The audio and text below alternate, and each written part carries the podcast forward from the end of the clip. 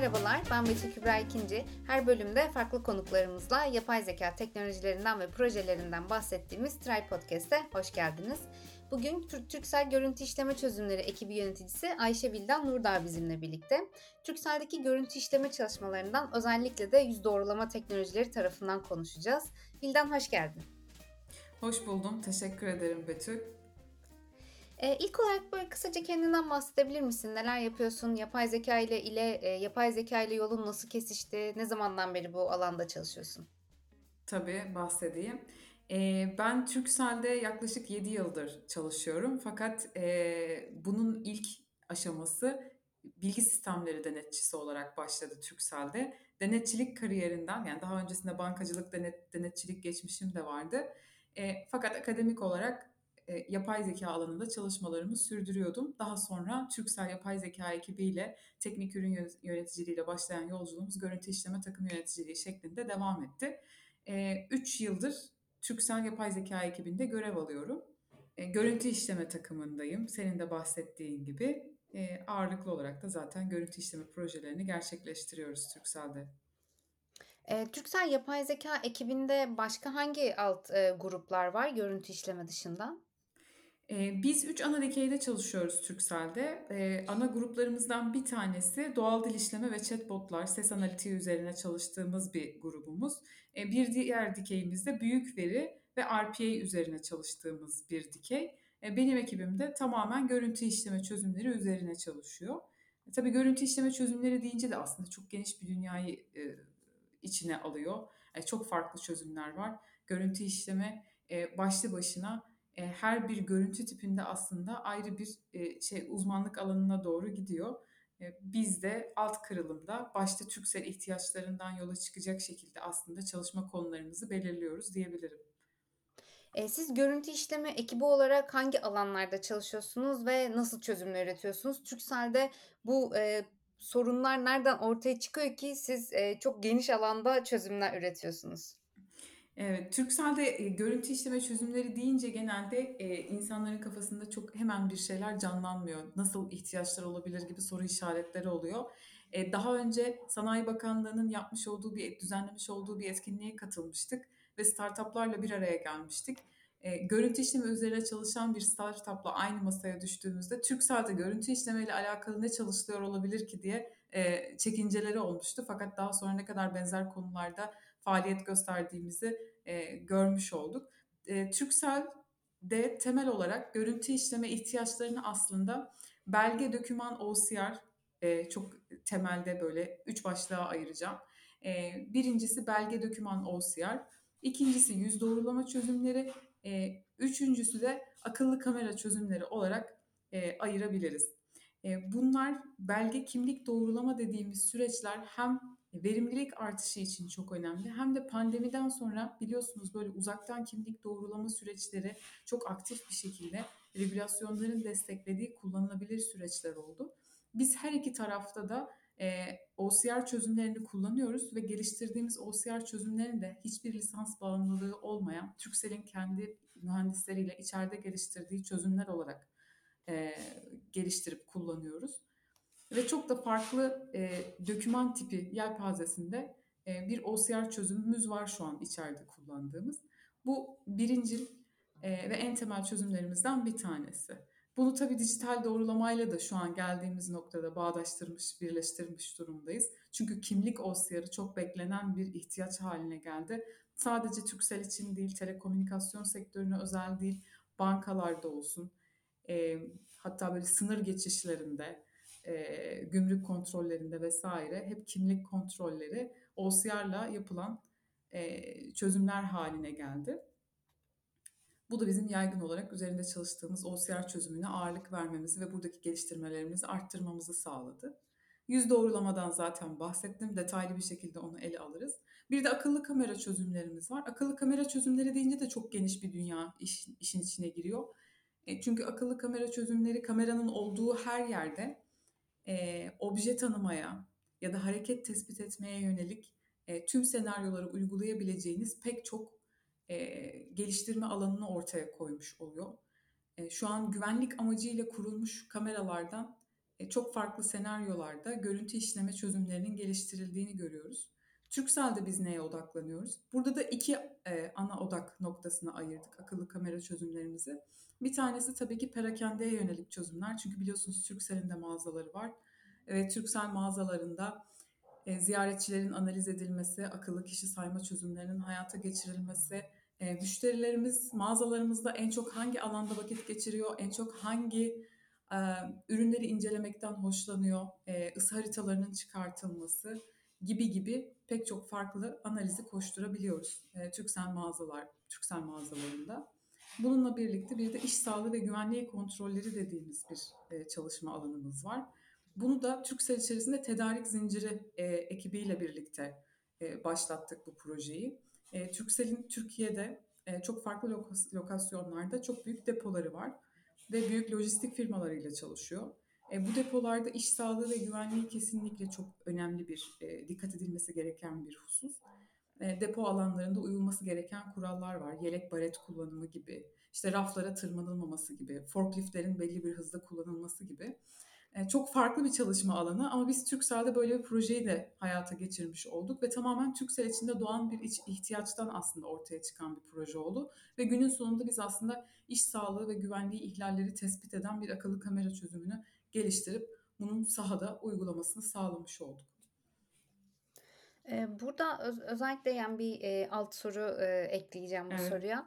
Eee, pandemiyle birlikte uzaktan kimlik doğrulama ihtiyacı arttı. Eee, burada tabii veriler de artıyor bir taraftan. Siz mesela buna öncesinde hazırlıklı mıydınız yoksa, eee, pandemiyle doğan bir ihtiyaca eee, bir yanıt mı verdiniz?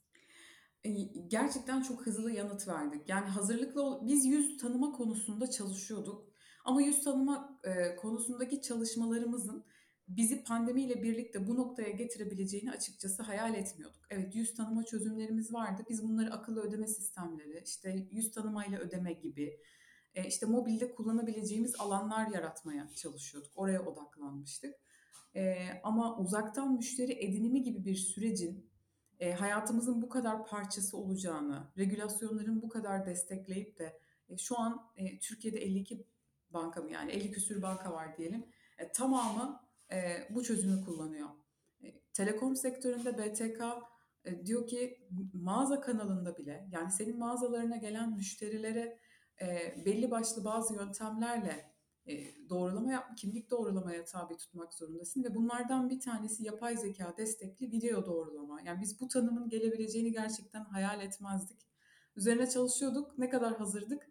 E, regülasyonlar arttıkça aslında e, hazır olmadığımızı, hani yapacak çok şeyin olduğunu görmüş olduk. Çünkü e, belli başlı e, her ne kadar hani kendi, kendi veri setlerimizde elimizdeki e, kısıtlı verilerle çalışırken evet doğruluğu yüksek bir algoritmamız var desek de regülasyonun bizi e, zorladığı doğruluk oranlarına ulaşmak için çalışmamız gerektiğini gördük. Ama bu güzel bir hedefti. Biz de çok böyle sıkı bir maraton geçirdik açıkçası. Ee, özellikle bu BTK regülasyonlarından sonra yüz doğrulamada e, nasıl hakikaten BTK'nın beklediği noktaya ulaşırız seviyesinde e, yaptığımız çalışmalar e, güzel bir hedefti bizim için. E, bu yolculuktan da başarılı çıktığımıza inanıyorum. Eee, süper. Yani, eee, şey tarafı gerçekten bir teknolojiyi geliştirmekle kalmıyor. Aynı zamanda onu, eee, sistemin kurallarına göre de şekillendirmek gerekiyor. Bu da belki, hani, eee, startup'lar için bir mesaj olabilir. Yani sadece teknoloji tarafı değil, eee, bir taraftan o teknolojiyi hangi bağlamda kullanacaksınız? Müşteriler için ne kadar uygun olacak? Regülasyonlara ne kadar uygun olacak? Bunlar da çok önemli noktalardan bir tanesi hâline geliyor. Eee, bu yüz doğrulama çözümleri tarafından biraz daha bahsedelim isterim. Hem, eee, nerelerde kullanılıyor? Yani müşteri edinimi tarafı, kimlik doğrulama tarafı, eee, video doğrulama tarafı, böyle birçok başka, eee, başlıktan bahsettin şimdiye kadar. Bunları biraz daha ayrıntılandıralım. Eee, nerelerde nasıl kullanıyorsunuz yüz doğrulama çözümlerini? Evet, tabii ki. Şimdi Turkcell'de kanal olarak, eee, biz 2 farklı kanalda, eee, ne diyelim, uzaktan kimlik doğrulama ya da video kimlik doğrulama süreçlerini gerçekleştiriyoruz. Bu kanallardan bir tanesi mobil kanalımız. Yani Turkcell'in mobil uygulaması. Mobil uygulama üzerinde müşterilerimiz farklı işlemleri yaparken yine BTK'nın koyduğu sınırlar dahilinde bazı işleri yaparken e, uzaktan kimlik doğrulama ile aktivasyon yapabiliyorlar. Yeni bir hat açılışı ve numara taşıma gibi işlemler yapılırken e, kimlik doğrulamanızı uzaktan yaparak mobil uygulamanın size sunduğu imkanları kullanarak doğrudan işlem yapıp ilerleyebiliyorsunuz. Bildiğim kadarıyla bankada da şu an, e, bankalarda da bu böyle. Yani uzaktan hesap açılışı vesaire gibi işlemleri yine kimlik doğrulama e, süreçlerini, uzaktan kimlik doğrulama süreçlerini kullanarak gerçekleştirebiliyoruz. Bir diğer kanalımızda yüz yüze kanalda yani aslında bizim için mağaza kanalında e, video doğrulama süreçlerinin kullanılması. Burada da BTK'nın e, regülasyonuna göre aslında farklı seçeneklerde kimlik doğrulama işlemi yapılabiliyor. Bunlardan bir tanesi Türkiye Cumhuriyeti kimliklerinin yeni bir işte bu çipli kimliklerin bir PIN kodu tanımlaması yapılabiliyor ve siz PIN kodunuzu girerek kendi kimliğinizi doğrulamış olup işlem yapıyorsunuz. Aynı bir kredi kartı gibi. Bu seçeneklerden bir tanesi. Bir diğer seçenek ise BTK'nın şu an kabul ettiği video doğrulama seçeneği. Video doğrulama seçeneğinde de tamamen yapay zeka destekli yüz doğrulama algoritmalarının, e, kimlik doğrulama algoritmalarının kullanılmasını bekliyor. E, bu özellikle yabancı uyruklu müşteriler için çok kıymetli. Çünkü yabancı uyruklu müşteriler pasaportla işlem yapıyorlar ve dolayısıyla e, Türkiye Cumhuriyeti kimliklerine sahip değiller, bir PIN girişi gerçekleştiremiyorlar e, ve işlemlerini pasaportla devam ettirdikleri için pasaportun OCR'lanması, pasaport e, üzerinde bulunan emarzet alanı dediğimiz alanın e, OCR teknolojileri kullanılarak okunması ve içerisindeki bilgilerin bu şekilde doğrulanması bir adım olarak karşımıza çıkıyor. Yani BTK'nın tam olarak beklediği adımlardan bir tanesi bu. Bu hem mobil kanalda hem yüz yüze kanalda kimlik OCR'ı mutlaka yapılması beklenen ve e, atlanmayacak bir adım olarak karşımıza çıkıyor. Biz Turkcell'de e, yüz doğrulama algoritmalarımızı geliştirdiğimizde bu tamamlayıcı bütün diğer adımların da aslında e, dijital doğrulama süreçlerinin tek bir akışta ve tek bir merkezden yapılması için bir SDK geliştirmesi yaptık. E, hem iOS hem Android e, platformlarda çalışacak dijital doğrulama SDK'mız mevcut. Bu SDK altında da farklı kimlik türlerinin OCR'lanmasını sağlıyoruz. Hem yeni kimliklerin, yeni tip e, TC vatandaşı kimlikleri, ehliyetler, eski tip ehliyetler, mültecilere verilen geçici koruma kimlik belgeleri. Çünkü bunlar içinde çip olan ve NFC teknolojisiyle okunabilen e, kimlikler değil. Bu kimliklerde de çözüm sağlamak amacıyla OCR çözümünü aktif bir şekilde kullanıyoruz ve her kimlik tipine özel geliştirme yapıyoruz. E, her kimlik tipine özel ayrı bir algoritma eğitiyoruz ve başarılı bir seviyede e, OCR e, çözümü sağlamış oluyoruz. E, algoritma geliştiriyoruz derken aslında çok e, temel düzeyde belki biraz teknik şeye de girmekte fayda var. E, karakter tespit ve tanıma e, algoritmalarımız aslında temelde bir. Bunların farklı kimlik tiplerine e, özelleşmesini sağlıyoruz. Ve doğrudan o kimlikleri okuyabiliyoruz. Yüz doğrulama tarafında ise e, iki ayrı algoritmamız var temelde kullandığımız. Bu algoritmalardan bir tanesi birebir yüz karşılaştırma, yüz doğrulama dediğimiz algoritma. Bir diğeri de canlılık kontrolü yaptığımız, canlılık e, testi yaptığımız algoritmamız. İlk algoritmamızın yani birebir yüz doğrulama algoritmamızın BTK tarafından beklenen bir doğruluk düzeyi var. Bu doğruluk düzeyi de e, açıkça aslında yönetmeliklerde şöyle ifade edilmiş. E, biliyorsunuz Amerika'da bir e, NIST denilen bir kurum var. National Institute of e, e, Technology. E, doğru mu söyledim şu an emin olamadım ama e, NIST diye geçiyor. Ve NIST'in e, yüz doğrulama algoritmalarını, e, yüz doğrulama algoritmaları sunan firmalara tabi tuttuğu bir test var. Bu test sizin belli veri setleri üzerinde belli bir doğrulukla e, yüz doğrulama yapıp yapmadığınızı ölçmenizi sağlıyor. Ve bu e, veri setleri çok büyük veri setleri. Ve şu an kimlik doğrulama süreçlerinde aktif olarak kullandığımız e, görüntülere e, özel veri setleri. E, Türkiye'de de bu testi yapan ayrı bir kurum olmadığı için şu an BTK NIST'in yapmış olduğu bu testten geçer not alan tedarikçilerin, algoritmaların kimlik doğrulama, uzaktan kimlik doğrulama ve yüz doğrulama süreçlerinde kullanılan algoritmalar olmasını bekliyor. Şimdi biz Türkcell'de kendi yüz doğrulama algoritmalarımızı geliştiriyorduk. Hani ilk soruya dönecek olursak. Ama NIST almaya mesela tamamen bu regülasyondan ve pandemiden sonra karar verdik. Ha, biz NIST'e başvuralım. Evet algoritmamızın sonuçlarını bir NIST'in e, Face e, Recognition Vendor Test dediği FRVT test e, tabii görelim, o teste tabi tutalım, ne kadar başarılıyız görelim. Çünkü aksi takdirde e, BTK bu algoritmayı kullanmamıza izin vermeyecek e, diyerek bir de böyle bir sürece girmiş olduk. E, o testten de geçtiğimiz ay Mart ayında yaptığımız başvuruda sonuçları Nisan ayında açıklandı. E, oldukça başarılı bir sonuç aldık e, ve gerçekten mutlu olduk. Şu an aktif olarak da Turkcell'de e, hem e, yüz yüze kanalda hem mobil kanalda e, liste başvurup e, başarıyla geçtiğimiz algoritmamız aktif olarak canlıda çalışmakta. Eee, peki canlılık kontrolü tarafında nasıl çözümleriniz var ve canlılık kontrolüne neden ihtiyaç oluyor?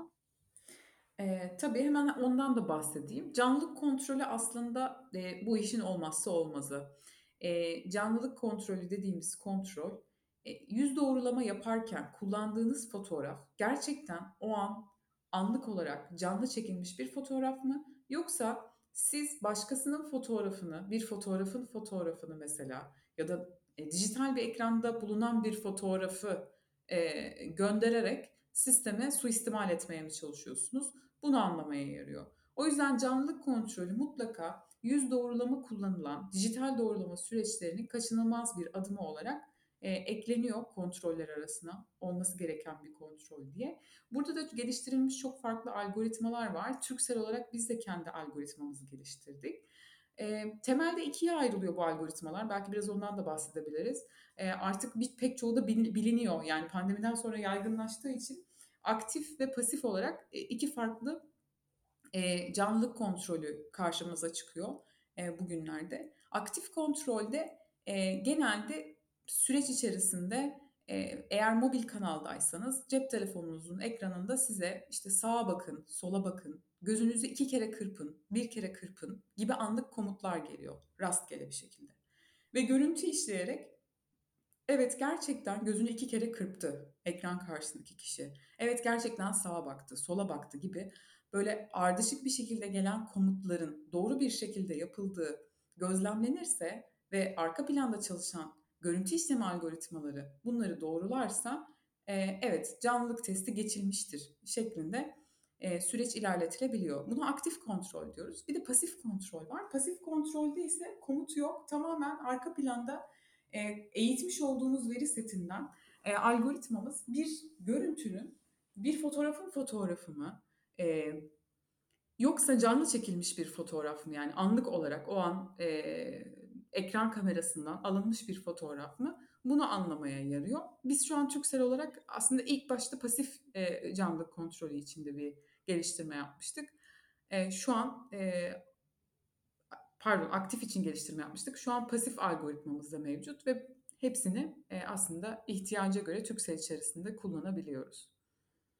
Burada özellikle, hem yüz doğrulama tarafında hem canlılık kontrolü tarafında mesela, kimlik kartındaki fotoğrafımızla kendi fotoğrafımız, yani, şu an anlık görüntümüz birbirinden farklı olabilir. Gözlük takıyor olabiliriz, saç rengimiz değişmiş olabilir vs. böyle çeşitli şeyler var. Oradaki o doğrulama tarafı benim için çok ilginç geliyor açıkçası. Yani, nasıl yapılabiliyor, hangi noktalardan, eee, o doğruluğu çıkartıyor?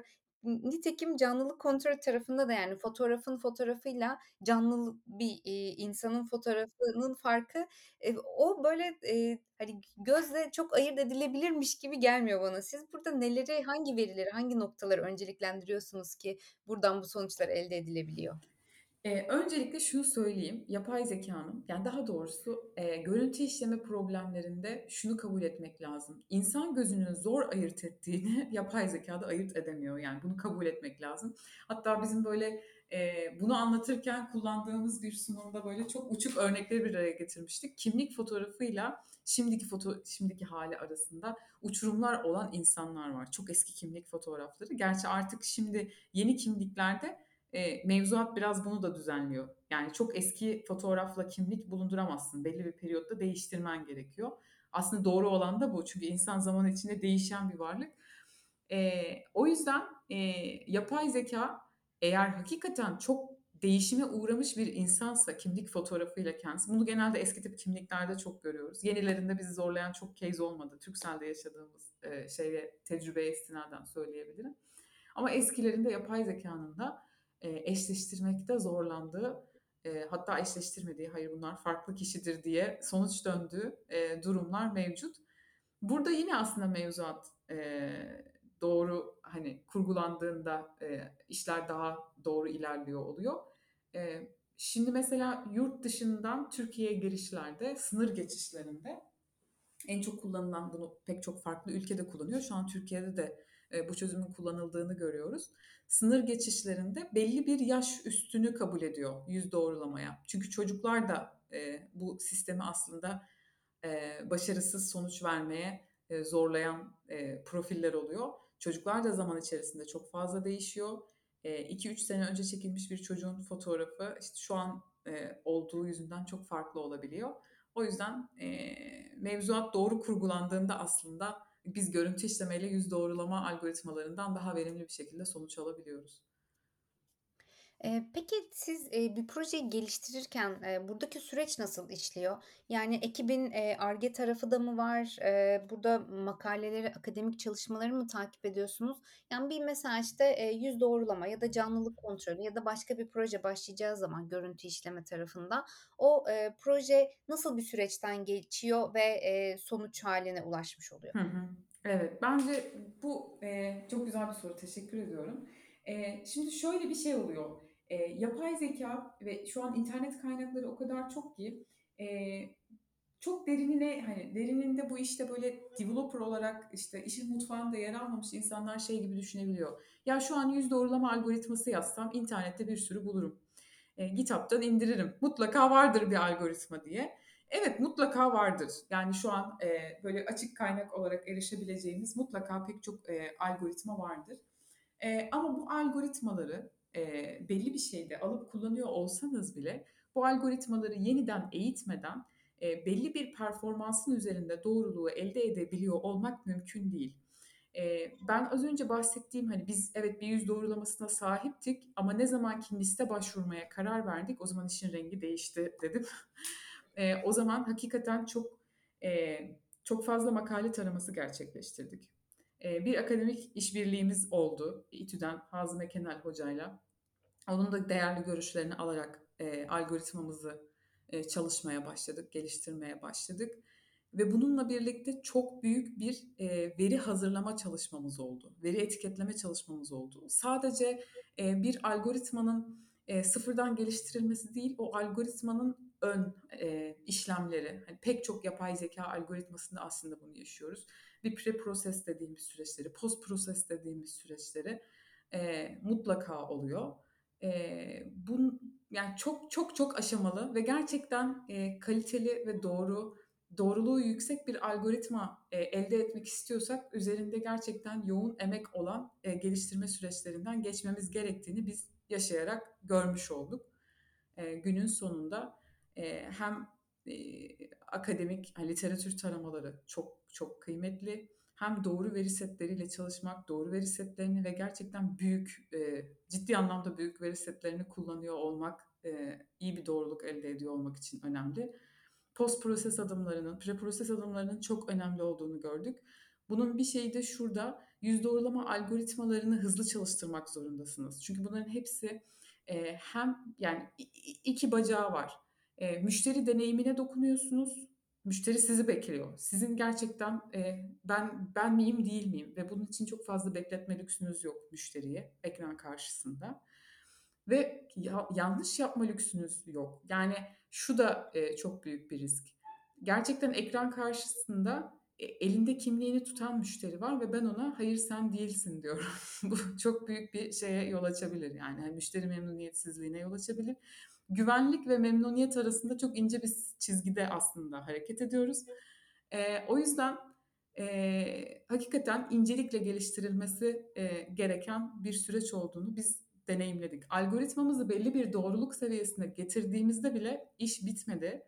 Biz bu algoritmayı nerede kullanıyorsak o kullandığımız kanala özel yine ekstra e, işleme adımları geliştirmek durumunda kaldık. Yani eğer fotoğraf Telefondan çekilecekse ayrı bir sürece gidiyor. Yüz yüze kanalda işte biz tablet kullanıyoruz mağazalarımızda. Orada ayrı bir e, şeye gidiyor. E, kontrol noktalarının uygulanması gerekiyor. O yüzden e, oldukça uzun, meşakkatli ve farklı parametreleri olan bir süreç diyebilirim.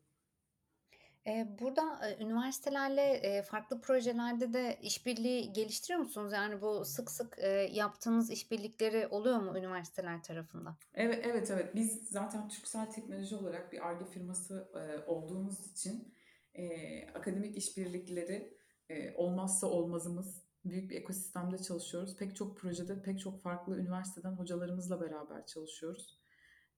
Hem bilgisayar mühendisliğinden e, hatta görüntü işleme tarafında biz sağlık projeleri de yapıyoruz. Orada da mesela e, tıp doktoru olan hocalarımızla çalışıyoruz. Veri etiketleme tarafında onlarla beraber çalışmamız gerekiyor. Algoritma geliştirirken onlarla çalışmamız gerekiyor. E, doğal dil işleme tarafında da, ses analitiği tarafında da şu an hali hazırda devam eden çok fazla e, akademik işbirliğimiz var. Zaten aslında böyle tek başına bir şey yapmak yerine ekosistemi bir araya getirerek, işbirlikleri yaparak bir şeyleri yapmak hem zaten hem, sistemler, regülasyonlar ve, çerçeve bunu gerektiriyor hem de aynı zamanda böyle çok daha hızlı bir şekilde ilerlenebiliyor. Kesinlikle, kesinlikle. Yani, hani, bir, iii, dijital doğrulama dediğimiz süreçte bile pek çok, eee, aşama var, pek çok, eee, basamak var, ve o basamakların bütün problemlerini tek başımıza çözmeye kalkarsak e, ilerleyemeyiz. Ve yani aslında ülkece hızlı bir şekilde iyi bir noktaya gitmek istiyorsak işbirliklerine muhtacız. Biz Türksel olarak bu konuda e, gayretli olduğumuzu düşünüyoruz. Yani iş, her türlü işbirliğine açık bir şekilde ekosistemde e, çalışmaya gayret ediyoruz. E, bu dijital doğrulama demişken e, yüz doğrulama ve video doğrulama dışında farklı dijital doğrulama süreçleri de var mı? Ne gibi süreçler oluyor ya da? Eee, şu ana kadar hiç bahsetmediğimiz bir adım daha var aslında. Ondan hiç bahsetmedim. Eee, BTK'nın regülas yani BTK'nın yeni uygulama koyduğu koyduğu regülasyonlardaki bir adım da şu. Yani kimlik OCR'ı, evet yüz doğrulama, evet bunlar görüntü işlemeyle sağladığımız adımlar. Bir de sesli onay adımı var. Eee, bu da mesela sürecin eee, mutlaka olmazsa olmaz bir parçası. E, bu da zor bir problem ve bir yapay zeka problemi olarak karşımıza çıkıyor. E, müşteriden sesli bir şekilde bir konuda e, onay vermesini istiyorsunuz ve verdiği onayı gerçekten e, doğru cümleyi söyledi mi? Benim referans cümlem, beklediğim, müşteriden almak istediğim onay cümlesi bu muydu? E, bunun kontrolünü e, yapıyorsunuz. Bu da tamamen speech to text teknolojileriyle aslında e, mümkün. E, Türk dilinde e, biz şu an sesli onay konusunu da Türksel içerisinde gerçekleştir, e, geliştirdiğimiz kendi speech to text algoritmalarımızla sağlıyoruz. Sesli onay adımını da e, ekledik. E, dijital doğrulama süreçlerimizin sonunda mutlaka yer alıyor. Bir de yabancı uyruklu müşteriler için böyle bir gereksinim var. Orada problem daha da büyüyor. Çünkü müşterinin kendi dilinde ondan onay alabiliyor olmanız gerekiyor ve e, dil şeyi çok geniş bildiğiniz üzere. Türkiye'ye gelen turistleri düşünün ya da bulunan yabancıları düşünün. Çok farklı dilleri kullanan müşteriler var. Onlardan da en kötü İngilizce onay almanız gerekiyor. Ve bir şekilde speech to text servisinizle bunu doğrulamanız gerekiyor. Bunlar da böyle farklı problemler olarak karşımıza çıkıyor. Şu an dediğim gibi biz Türk dilinde sesli onay çözümünü yine Türkcell'de geliştirdiğimiz servisimizle sağlıyoruz. Yani, burada da, eee, ses de parmak izi gibi kişiye özel bir, eee, şey olduğu için eminim ki birçok problemle karşılaşıyorsunuzdur diye düşünüyorum. E evet, yani, burada zaten şey olarak ek daha önceden şöyle bir servis de, hani, Turkcell'de konu eee, konuşuluyordu. Ben çok o teknolojilere, ses tarafına girmediğim için, eee, çok, eee, konuşmayayım yine ama, eee, sesten tanıma tarafına çok yönelmiyoruz. E, o da riskli bir alan ve zor. E, hani sesten tanıma gerçekten kişinin sesi. Ki şu zamanda çok fazla e, fraud yapılabilecek uygulamalar geliştiriliyor. Sesin taklidi vesairesi, ses klonlama mesela apayrı bir konu şu an çalışılıyor. E, mevcutta Türkcell'in de üzerinde çalıştığı uygulamaları olan bir konu. O yüzden biz şu an e, ve regülasyon da o şekilde hani sesi tanımaya yönelik değil, sesle alınan komutun e, işte örnek vereyim. E, işte ben Ayşe Vildan Nurdağ olarak numaramı taşımak istediğimi onaylıyorum gibi bir cümle söylüyorum. Ve o söylediğim cümle gerçekten e, müşteri bu cümleyi mi söyledi, söylemedi mi gibi bir kontrole tabi tutuluyor. Hani daha sonrasında e, bu da aslında o işlemin müşteri tarafından talep edildiğine kanıt oluşturmak vesaire gibi e, süreçlerde doğrulamak için kullanılması üzerine diyeyim. Sesli onay böyle işliyor. Eee, bir de şeyi sormak istiyorum aslında. Hem bu, eee, akıllı telefonlardaki kamera çözünürlükleri birbirinden farklı ya da, işte, eee, ses teknolojilerinden çok bahsetmeyelim ama yani o da aslında bunun bir parçası oluyor. Evet. Eee, her telefondan bizim sesimiz farklı çıkabiliyor, kulaklık kullandığımızda farklı olabiliyor. Eee, burada mesela hı. dijital onaylama süreçlerinde, eee, farklı cihazların bizi, eee, nasıl algıladığı da önemli oluyor mu? Yoksa bu artık biraz aşılmış bir problem mi? Eee, ya, bu, eee, aşılmış diyebiliriz ama mutlaka, eee, çözdüğümüz problemin bir parçası olarak karşımızda duruyor. Çünkü, eee, çok doğru bir noktaya temas ettin. Her zaman işlediğimiz fotoğrafların kalitesi bir olmuyor. Eee, yani, şu an günümüzde kullanılan, işte, ön kameralar evet, hepsi belli bir düzeyde şeyi sağlayabiliyor. Yani, belli bir çözünürlüğün üstünde bize, eee, ön yüz fotoğrafının gelmesini sağlıyor. Eee, çok böyle uç örneklerle karşılaştık diyemem. Eee, ama biz her ihtimale karşı, yani, fotoğraf çözünürlüğü düşük gelebilir. Hatta gelen fotoğrafta bir insan yüzü olmayabilir. Bunların hepsi bir ön kontrol olarak, eee, mutlaka yüz doğrulama algoritmalarının ilk kısmında koşan kontroller. Yani, gelen fotoğrafta, yüklenen servisime gelen fotoğrafta bir yüz var mı? Öncelikle bir insan yüzü tespiti yapıyoruz. Gelen fotoğraf blur'lu mu? Yani, bulanıklık var mı, eee, yok mu? Çözünürlük belli bir çözünürlüğün üstünde mi fotoğraf kalitesinin incelenmesi? Eğer fotoğraf kalitesi düşükse şimdiki yaptığımız çalışmalarla biz fotoğrafın kalitesinin arttırılmasına yönelik de yapay zekâ destekli algoritmalar geliştiriyoruz. Yani, doğrudan müşteriye "A al bu fotoğrafı yeniden çek." demektense bu tarz, hani, kameradan kaynaklı, işte, çözünürlük düşük olabilir, kalite düşük olabilir. Bunların yine yapay zekâ kullanılarak arttırılmasına yönelik algoritmalar da koşturuyoruz. E, bununla birlikte bazen fotoğraf kalitesinden bağımsız olarak yüz çok küçük bir fotoğraf olarak gelebiliyor. Yani, belli bir pikselin altında, eee, şeye sahip, eee, çözünürlüğe sahip yüz bölgesi, çok düşük gelebiliyor. Burada yeniden boyutlandırma işlemleri yapabiliyoruz. Bütün bunların hepsi bir ön işleme, aşaması olarak aslında yüz doğrulamadan önce mutlaka kontrol ettiğimiz, baktığımız, şeyler, aşamalar diyeyim yani. Yüzün hatta rotasyonu, belli bir açıyla geldiyse onun düzeltilmesi vesaire gibi. Ama bunları mümkün olduğunca, işte, müşteri deneyimini de arttırmak için, eee, hepsini bir ön işleme adımı olarak aslında yapay zekâ desteğiyle kendimiz geliştiriyoruz. Yani, sürekli müşteriye komutlar, eee, yağdıran bir dijital doğrulama, eee, çözümü olmaktansa, eee, aslında bazı şeyleri yapay zekânın bize vermiş olduğu güçle, geliştirdiğimiz algoritmalarla iyileştirerek ve beklediğimiz formata dönüştürerek, eee, o kontrolleri kendimiz Kimlik için de geçerli bu. Eee, mesela kimlik kontrolünde de çok, eee, kirli fotoğraflar yüklenebiliyor. Bir kimliği mesela bir zemine koymuşsunuz ama arkası full yazı. Yani, hani, orada, eee, aslında kimlik olarak taramam gereken yer nedir? İşte, burada şey diyoruz, arka plan, eee, segmentasyonu diyoruz mesela. Farklı algoritmalarla, eee, arka planı görüntüden çıkarıyoruz. Yine görüntü işleyerek bunu yapıyoruz. E, yine yapay zekâ ve derin öğrenme algoritmalarını kullanarak bunu yapıyoruz. Ama zaten gerçek hayat, eee, senaryoları, eee, bizi bunlarla çok fazla karşılaştırıyor. Yani, eee, neyin, eee, doğru gelip gelmeyeceğinin örneklerini Turkcell'de o kadar çok görüyoruz ki, eee, bugüne kadar elde ettiğimiz müşteri deneyiminden ona yönelik aksiyon alabiliyoruz. Eee, çok teşekkür ederim Vilkan Vildan. Çok, eee, güzel bir, eee, sohbet oldu. Ben bir de son olarak, ya, şöyle bir soru sormak istiyorum. Şu an böyle, konuştuğumuz teknolojiler nereye gidecek? Yani bundan sonra, eee, ne biraz daha kolaylaşabilir? Yani uzaktan müşteri edinebiliyoruz, kendimizi doğrulatabiliyoruz, canlılık tespiti yapabiliyoruz. Tabii ki buradaki, eee, verimlilik artışı olabilir ve, eee, daha hızlı bir şekilde ilerleyebiliriz ama, e Daha farklı bir şey bizi bekliyor mu? Yani teknoloji bekliyor mu? Sizin böyle üzerine çalıştığınız ya da öngördüğünüz bir, eee, teknoloji var mı şu anda? Ya, şu an biz aslında, eee, akıllı kamera tarafında da belki bu soruya çok cevap verilebilir. Yani o tarafta da, eee, çok çok hızlı ilerleyen, eee, hatta şöyle söyleyeyim, emm, edge teknolojiler dediğimiz yani uçta çalışan, eee, ve hiçbir şekilde bizim işte cloud gereksinimi duymadığımız, hiç internete çıkma ihtiyacı gerektirmediğimiz tamamen gömülü sistemlerle, eee, kameralar, kamera mercekleri ve yanlarına eklemiş olduğumuz, eee, mini bilgisayarlarla, işlemcilerle, eee, hayata geçirebileceğimiz çok farklı projeler, eee, karşımıza çıkıyor akıllı kameralar tarafında.